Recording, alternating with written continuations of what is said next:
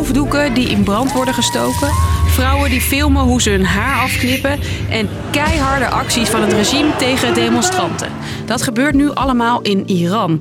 Overal in het land zijn protesten uitgebroken. Het borrelt ontzettend in de samenleving. En dit is weer zo'n druppel. Veel mensen zijn klaar met de strenge regels in het land. Allemaal aangewakkerd na de dood van een vrouw van 22 die werd opgepakt omdat haar hoofddoek verkeerd zat.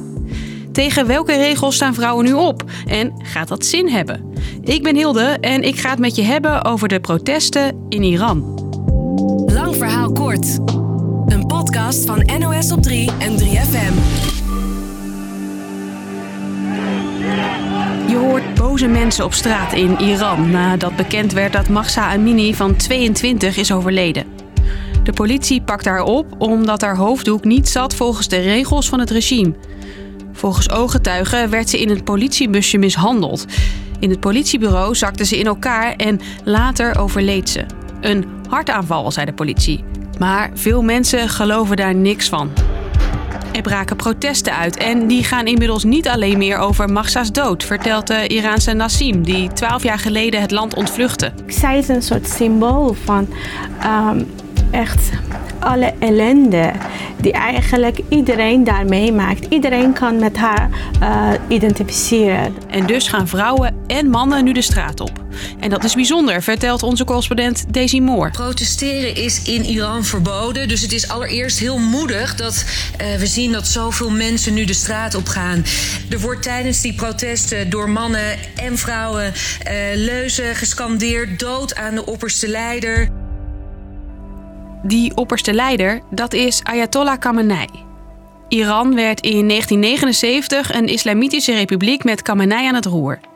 In het land gelden sindsdien islamitische wetten.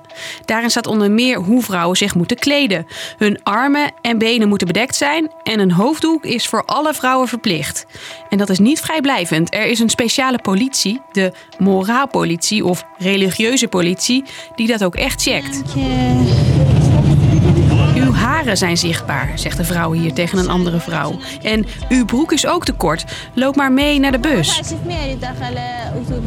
Die speciale politie is overal en kan hard optreden als vrouwen de kledingadviezen niet opvolgen. Bijna allemaal die bij in Iran waren, hebben we dat meegemaakt. Zelf heb ik twee keer meegemaakt met die religieuze politie. Eén keer werd ik zelf heel veel gewoon geslagen. Je hoort Nassim weer, die inmiddels in Nederland woont. Iedereen, ja natuurlijk, iedereen kan overkomen. Alleen omdat je kleding niet zo past in hun gewoon extreme kader die ze hebben. Een deel van de protesten nu richt zich op de moraalpolitie. Maar dat is niet het enige waarom mensen zo boos zijn. Het broeit al langer in Iran, weet Shermin, die veel familie in het land heeft. Als ik mijn neven en nichten spreek, iedereen is bezig om het land te, te verlaten. Uh, of ze hebben het over, ze zijn heel erg bezig met het buitenland, met het Westen. Um, om daar weg te komen. En ik, ja, ik, um, ze zijn niet hoopvol, dat merk ik. 70% in het land is jonger dan 40 jaar. De werkloosheid is er heel hoog en de economie is ingestort. Veel Iraniërs zien door het regime nauwelijks een toekomst in het land. En dan is er een klein vonkje nodig om de boel te doen ontvlammen. Het borrelt ontzettend in de samenleving. En dit is weer zo'n druppel. Bij de protesten vielen al zeker zeven doden en tientallen gewonden. De politie in Iran treedt hard op, vertelt Daisy. Uh, er wordt traangas ingezet, waterkanonnen. Uh, je hoort soms schoten op die video's die je uh, ziet. Maar dat de hele wereld die video's kan zien, is niet vanzelfsprekend. Sinds de protesten opleiden, sloot de overheid het internet op veel plekken af. Dus het is goed mogelijk uh, dat het groter is dan wat we nu uh, te zien uh, krijgen.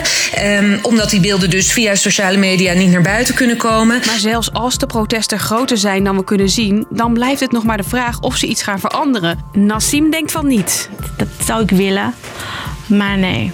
Dat zou kunnen weer onderdrukt worden. Meer arrestaties, heel veel gewonden, misschien meer doden.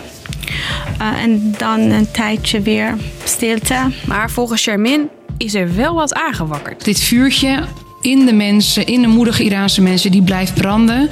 En die kan je niet makkelijk doven zolang er sprake is van onrecht en onderdrukking. Dus, lang verhaal kort, veel mensen gaan nu in Iran de straat op omdat ze klaar zijn met het strenge regime. De vlam sloeg in de pan toen een vrouw van 22 overleed nadat ze was opgepakt voor het verkeerd dragen van haar hoofddoek. Dat was hem weer. Morgen zijn wij er ook weer, ongeveer dezelfde tijd. Heel ander onderwerp. Dag!